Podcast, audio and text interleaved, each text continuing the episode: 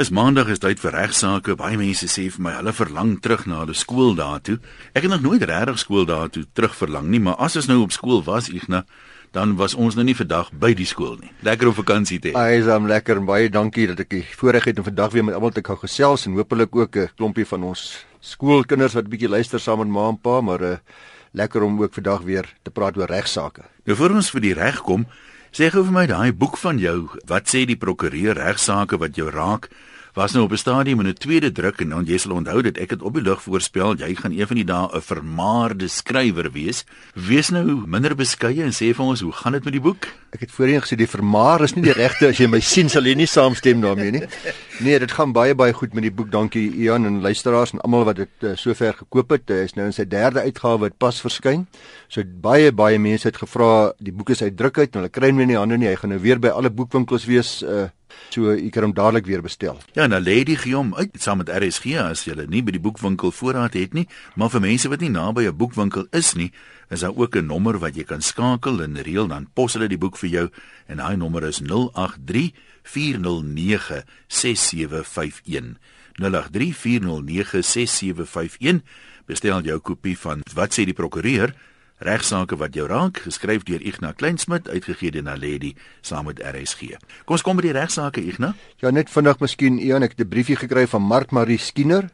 Sy sê sy wil asseblief 'n living will opstel, 'n lewendige testament en sy wil weet ons sal daaroor gesels het en wat moet sy doen? Nou, Markbury, ons het al baie daaroor gesels. Dus ek dink jy moet maar 'n prokureur gaan sien wat boedels doen. Dis 'n redelike maklike, eenvoudige dokument, beslis nie baie duur nie. Jy gaan nie daar baie daarvoor betaal nie. Ek nou maar daar's ook luisteraars wat nie weet wat dit is nie. Dan kan jy net kortliks weer vir ons sê wat is 'n lewende testament? Dis basies 'n aanduiding aan die mense wat jy wat vir jou lief is en vir wie jy lief is uh, om vir te sê wat moet hulle besluit wees. Wat sou jy graag wil hê?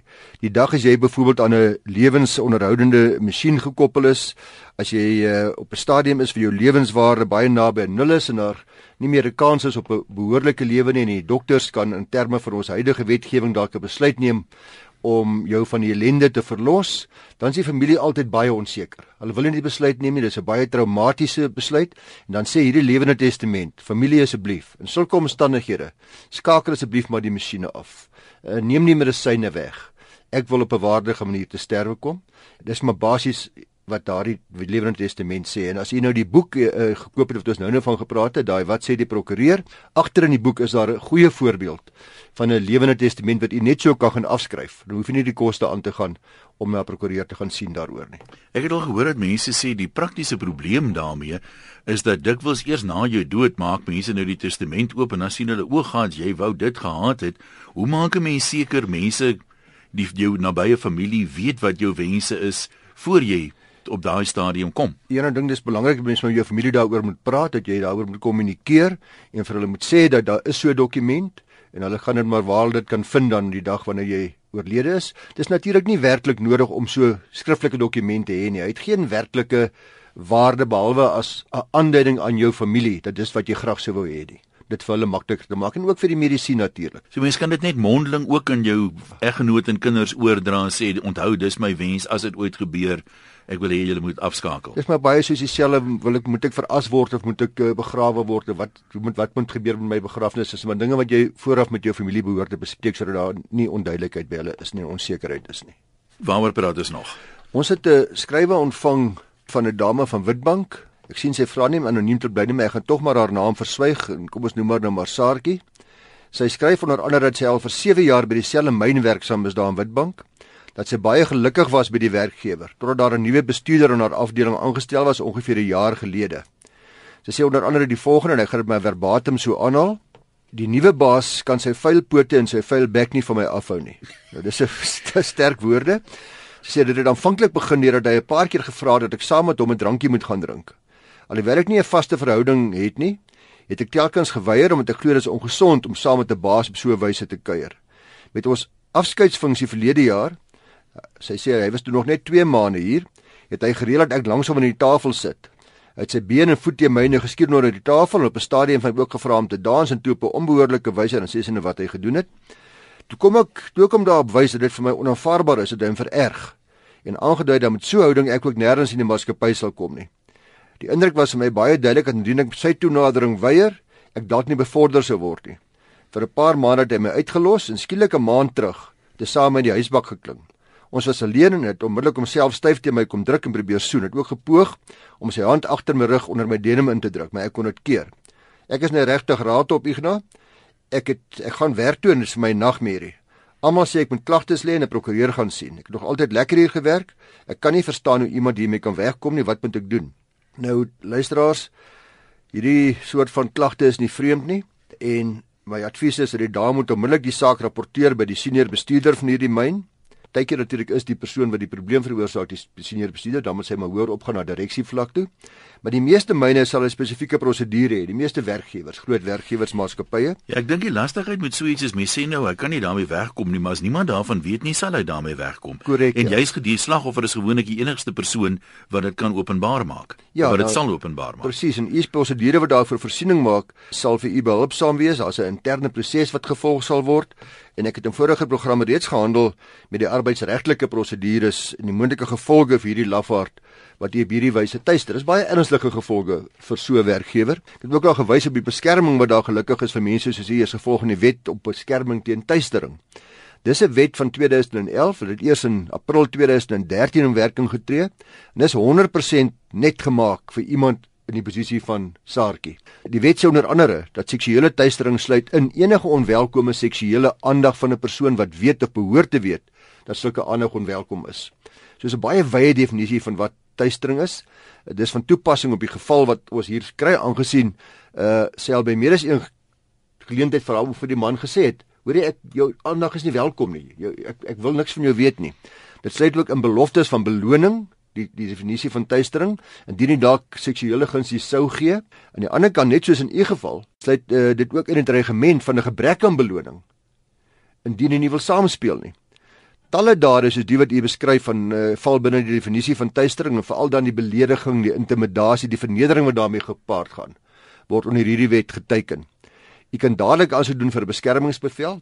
Onthou dit eerste een is dink ek doen dit intern. Probeer dit oplos daar, maar niks verhoed jy om dieselfde tyd of daarna 'n uh, aansoek te doen by die hof vir 'n beskermingsbevel kragtens hierdie wet op seksuele teistering nie. By, dit doen jy by die plaaslike landroskantoor. Ek het geen twyfel dat op hierdie dame se weergawe die hof sal gelas dat u aansoek dan dadelik op die oortreder beteken moet word. Hy moet dan op 'n sekere datum verskyn vir die antwoord van die saak en dikwels sal die hof ook sommer dadelik wat ons noem 'n eksparte bevel, 'n bevel voor hy nog 'n antwoord het, alreeds 'n tussentydse bevel gee wat sê wat hom verbied om enigstens met hierdie laakbare optrede of handelinge voort te gaan totdat die saak vir die hof kom om te bepaal of die bevel genaal gemaak moet word of nie.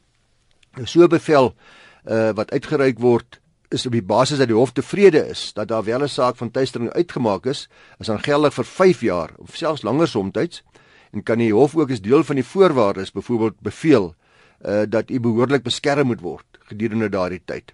Indien die man dan weer met sy manewales voortgaan, kan hy onmiddellik gearresteer word vir die verbreeking van so 'n beskermingsbevel. Nou ek besef dat die saak 'n bietjie meer gekompliseerd is waar u in 'n werksituasie is en sal dikwels aanbeveel dat jy die saak eers intern gehanteer moet word. Ek wil graag aanby aanhou werk en jy wil nie graag die rus verloor en die in die vrede daar in in die omgewing versteur nie. Ek het al vir meer as een geval gehoor waar daar beweer word dat die baas beskerm word deur hierdie interne prosedure. Aan die ander wyse dit daar ook 'n mate van 'n eh, van vooroordeel ja, is ja. teen die persoon wat kla.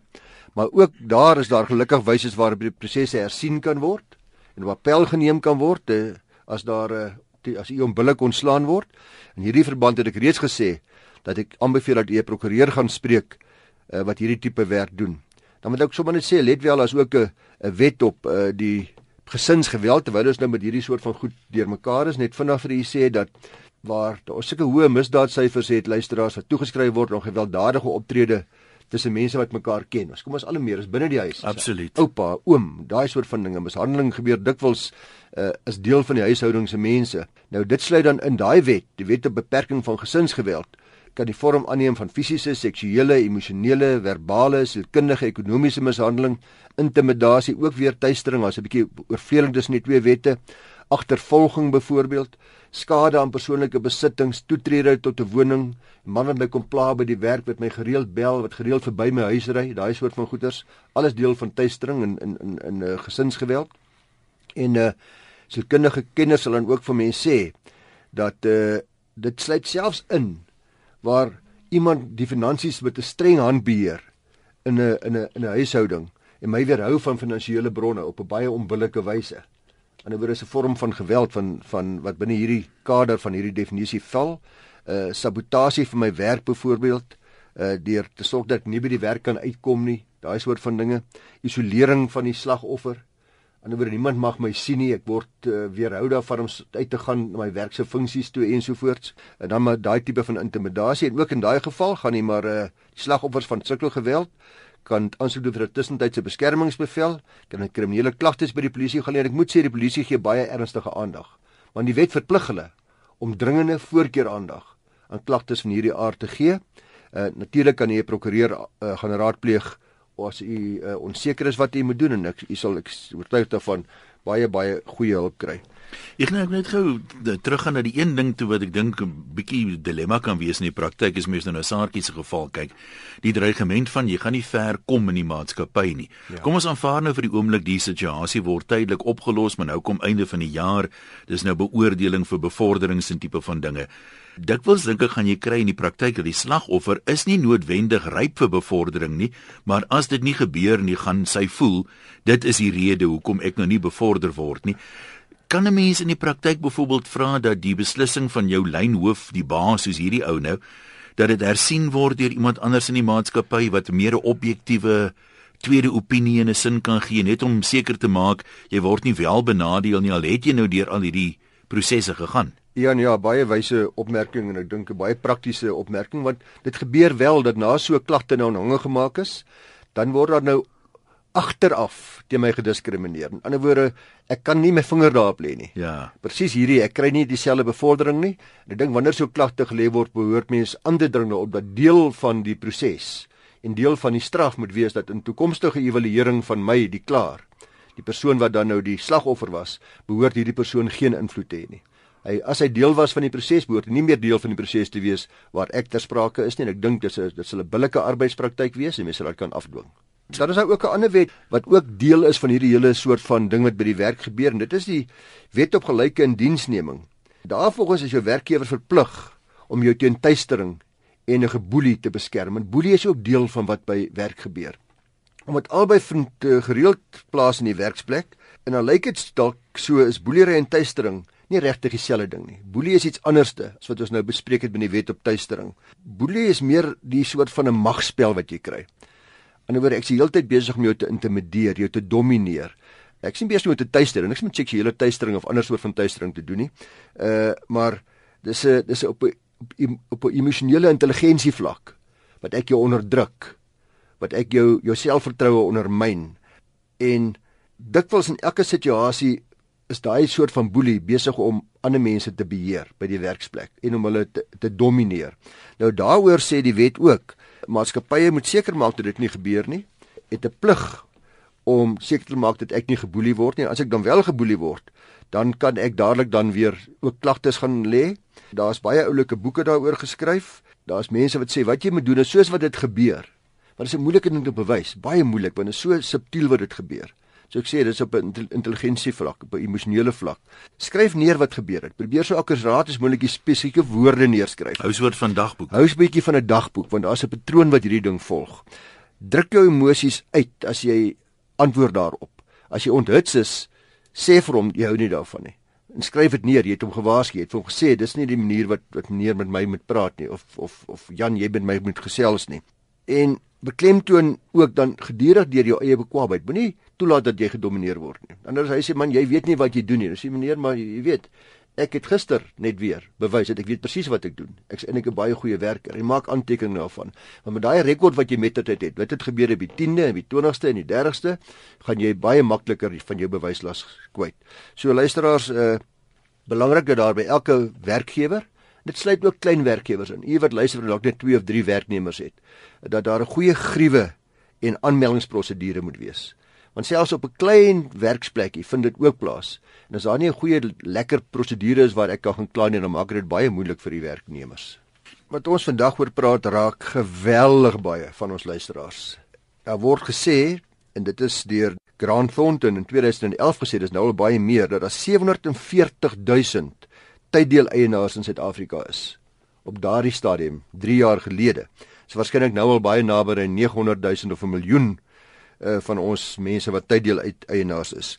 Daar's omtrent so 4 sewendes, 5 sewendes daarvan is is klubs wat hierdie put sogenaamde puntestelsel het waar hulle gaan vakansie hou.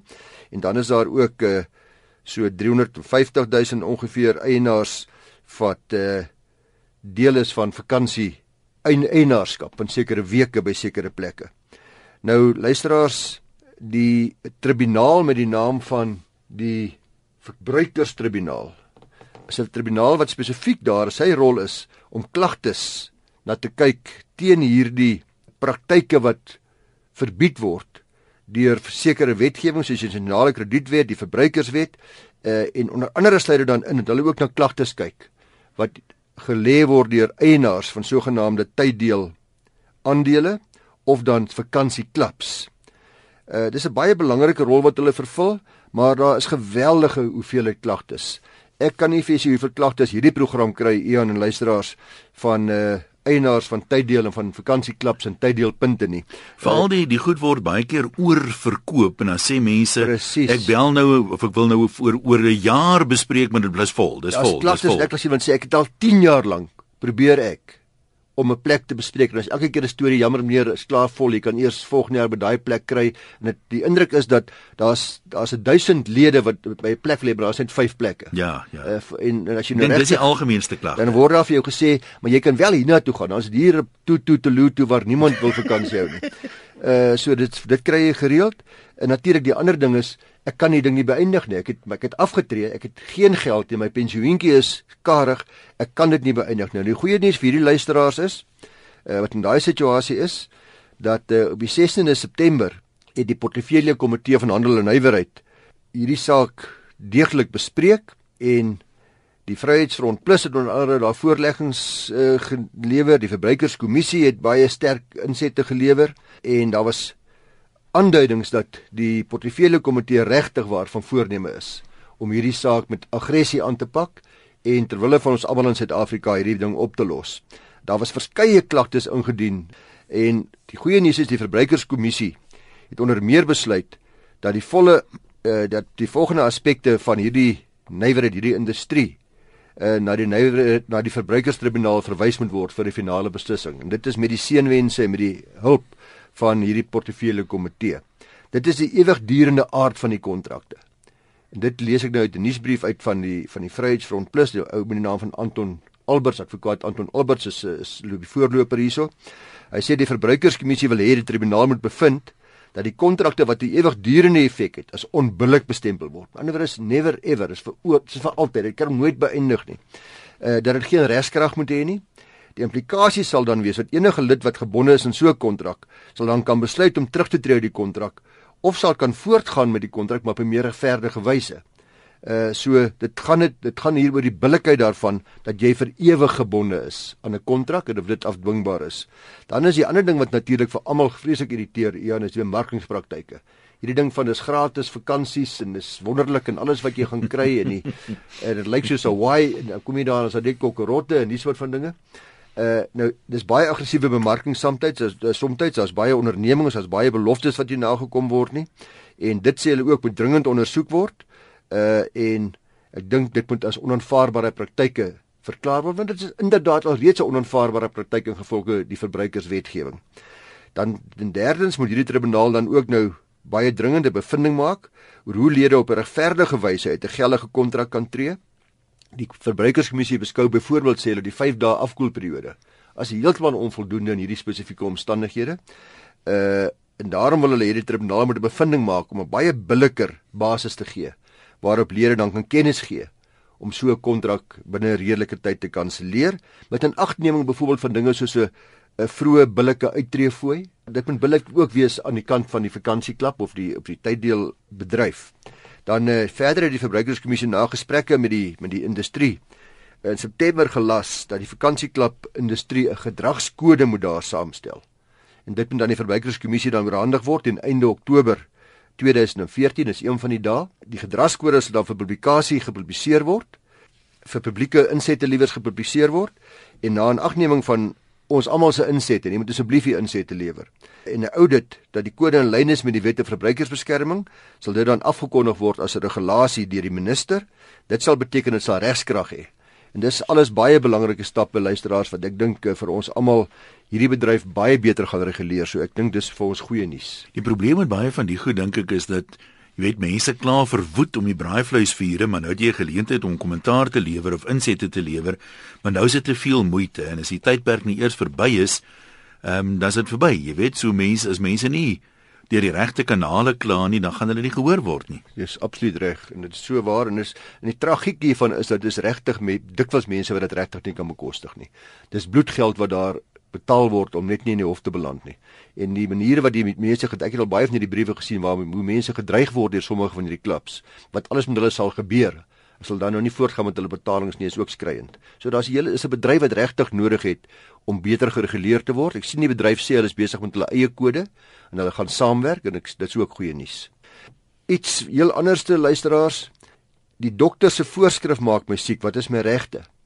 Ook 'n belangrike verbruikersbeskermingsaspek want artikel 71 van die verbruikersbeskermingswet maak voorsiening daarvoor dat 'n verbruiker wie skade ly omdat daar 'n gebrek of defek is in 'n produk of dat die produk onveilig is dat hy dat hy reg het of hy of sy reg het om enige iemand of instansie binne die verskaffingsketting aanspreeklik te hou sonder om nalatigheid te bewys. Dis skuldlose aanspreeklikheid. As jy binne daai ketting was en ek het 'n produk wat defektief is of wat gebrekkig was of as gevolg van af en ek skadig ly, kan ek enigiemand van daai mense in die ketting wat tot die produk by my uitgekom het, kan ek dagvaar as aanspreeklik. Nou julle kan dink dat dit baie ernstige gevolge het vir almal wat produkte lewer en deel van die ketting is. Vandag hoef jy nie nalatigheid te bewys nie. Ek moet net bewys jy was deel van die ketting en dat die dat die produk gebrekkig is. Nou kom ons by die mediese dokters uit en dis wat ek sê as die dokter se voorskrif maak my siek die die middel wat hy voorgeskryf het is hy nou deel van die ketting. Want die middel is dalk nou gebrekkig om een of ander rede. Dis 'n belangrike vraag of hy deel is van die verskaffingsketting wanneer hy medisyne vir my voorskryf. Dit blyk dan nou hierdie medisyne is gevaarlik of wat ek nog dit mag wees en veroorsaak uh, pyn en lyding en ek word dodelik siek en ek ly baie groot skade mediese kostes ensovoorts ensovoorts. Nou ek het gaan kyk en ek kon nie 'n saak opspoor wat die antwoord hierop gee nie. Maar ek is ook seker dat hierdie aspek nog deur ons howe oorweeg gaan word, vroeër as later, dat dit waarskynlik nie lank gaan wees voordat ons appelhof en ons grondwetlike hof vir ons duidelikheid gaan gee nie. Intussen moet ons almal maar daarvan bewus wees want in 'n uitstekende artikel van Potsoane Henny word 'n paar aspekte gemeld wat oorweeg moet word om te bepaal of dokters in terme van hierdie wet aanspreeklik is vir medisyne wat deur hom of haar voorgeskryf is. Hulle sê die volgende: Hulle sê die dokter sal sekerlik kan argumenteer dat hulle bloot 'n aanbeveling maak op grond van 'n diagnose en dat die pasiënt steeds die finale besluit het na watter apteek toe wil gaan en of hy nie liewer 'n generiese alternatiewe middel wil vat nie en of hy inderdaad daai middel wil gebruik al dan nie. Die pasiënt is natuurlik ook nie verplig om hy middel te gebruik nie. Dis hulle die dokter se argument wees. Nou of dit 'n goeie argument is of nie, moet jy maar self oordeel want uh, die ander aspekte se medikasie word baie streng gereguleer. Jy het slegs goedgekeurde en geregistreerde medikasie aan ons as verbruikers verskaf kan word. So die medikasie is klaar deur 'n proses. As ek daardie proses aanvaar as billik en reg, dan is dit nie billik om te verwag dat ek ook moet skade ly as iets in daardie proses verkeerd geloop het en 'n middel dalk nou nadeel veroorsaak aan 'n pasiënt nie. Alle medisyne sê kan gesê word tot 'n sekere graad gebrekkig en gevaarlik maar kan die dokter sekerlik aanvaar dat geregistreerde medikasie voldoen aan die normale standaarde. So die vraag is dus of die foutiewe diagnose en voorskrif deur 'n dokter die medikasie gebrekkig of gevaarlik maak. Waarskynlik nie. Eh, indien wel dan is hy aanspreeklik, andersins nie. Die wet maak ook voorsiening vir 'n regverdigingsgrond van redelikheid wat deur dokters geopper kan word in die lig van tradisionele rol van dokters, waarin hulle eintlik bloot medikasie voorskryf sonder om self ooit die plig te hê om daardie medikasie te ondersoek. Hulle kan staat maak op dit wat hulle verneem het van daardie medikasie van die van die ander uh, instansies wat uh, die plig het om dit te ondersoek. Ja, dis bloot nie prakties moontlik dink ek vir 'n dokter om dit te doen nie. Dit is so en uh, dit is ook so dat in gevolge die verbruikerswetgewing kan blaamwaardigheid tussen verskillende partye verdeel word in hierdie ketting. En dit sal dan in die guns van die dokter tel hierdat die howe sekerlik baie baie groter blaam vir gevaarlike medikasie uh na die vervaardiger sal gooi, asook na die verspreider voordat die blaam by die dokter sal uitkom. So die skrywers, die prokureursfirma Pachoani Henny stem my saam dat ons maar sal moet sien hoe die howe hierdie wet gaan interpreteer. Uh, my persoonlike mening is luisteraars en dokters en aptekers dat vir al die aptekers hier 'n baie groter probleem gaan hê as ja. die dokters en natuurlik die grootste probleem gaan lê by die vervaardiger van hierdie medisyne en hierdie middels. Uh so interessante nuwe aspek. Dit beklempou net weer eens dat die bepalinge uh, van hierdie wet nie verwar moet word uh, met 'n normale reg om 'n dokter of 'n apteker as spreek te hou op grond van sy of haar nalatigheid in die uitvoering van hulle pligte op die voorskrif van medisyne nie. Dan is 'n dokter verkeerde medisyne voorskryf wat nie van toepassing is op jou siekte nie. Dis iets anderste. Hier gaan dit oor of daardie spesifieke medisyne gebrekkig is. Dis regte medisyne, maar as een of ander defek in die medisyne. Dis alwaar ons gaan tyd hê vandag. Miskien moet ons net weer sê kry baie voorstelle vir uh, onderwerpe waaroor ons moet praat, waaroor 'n mens dankbaar is. Ek neem aan jy ook, maar dan kry ons ook baie keer desperate briewe van luisteraars wat uh, dringend regshulp nodig het en miskien moet ons net weer sê die doel van die program wat die prokureursorde aanbied is 'n uh, groot mate opvoedkundig ons probeer mense inlig bewus maak van hulle regte die doel van die program is nie om privaat gratis regsadvies vir spesifieke gevalle te gee nie maar soos jy nou al sou gehoor het Ignas gebruik dikwels die briewe om oor die algemeen te verduidelik wat se beskermings 'n verbruiker geniet of iemand in daai situasie en wat se stappe moontlik is as jy dan nou voel uh, jy is te nagekom om jou regte af te dwing, sou hou dit maar 'n gedagte, maar die voorstelle is baie welkom en jy kan dit direk stuur vir Igna by igna by ffd.co.za. Kom ons noem net weer daai nommer vir die boek. Igna se boek is nou in sy derde druk, so daar's weer voorraad in die winkels. Die boek se titel is Wat sê die prokureur regsaake wat jou raak? Dit word deur Naledi uitgegee in samewerking met RSG behoort by jou boekwinkel te wees, maar as jy nie naby 'n boekwinkel is nie, kan jy ook hierdie nommer skakel om jou kopie te bestel. Dis 083 409 6751. Dankie aan die Prokureursorde van Suid-Afrika wat regsaake moontlik maak hier op RSG.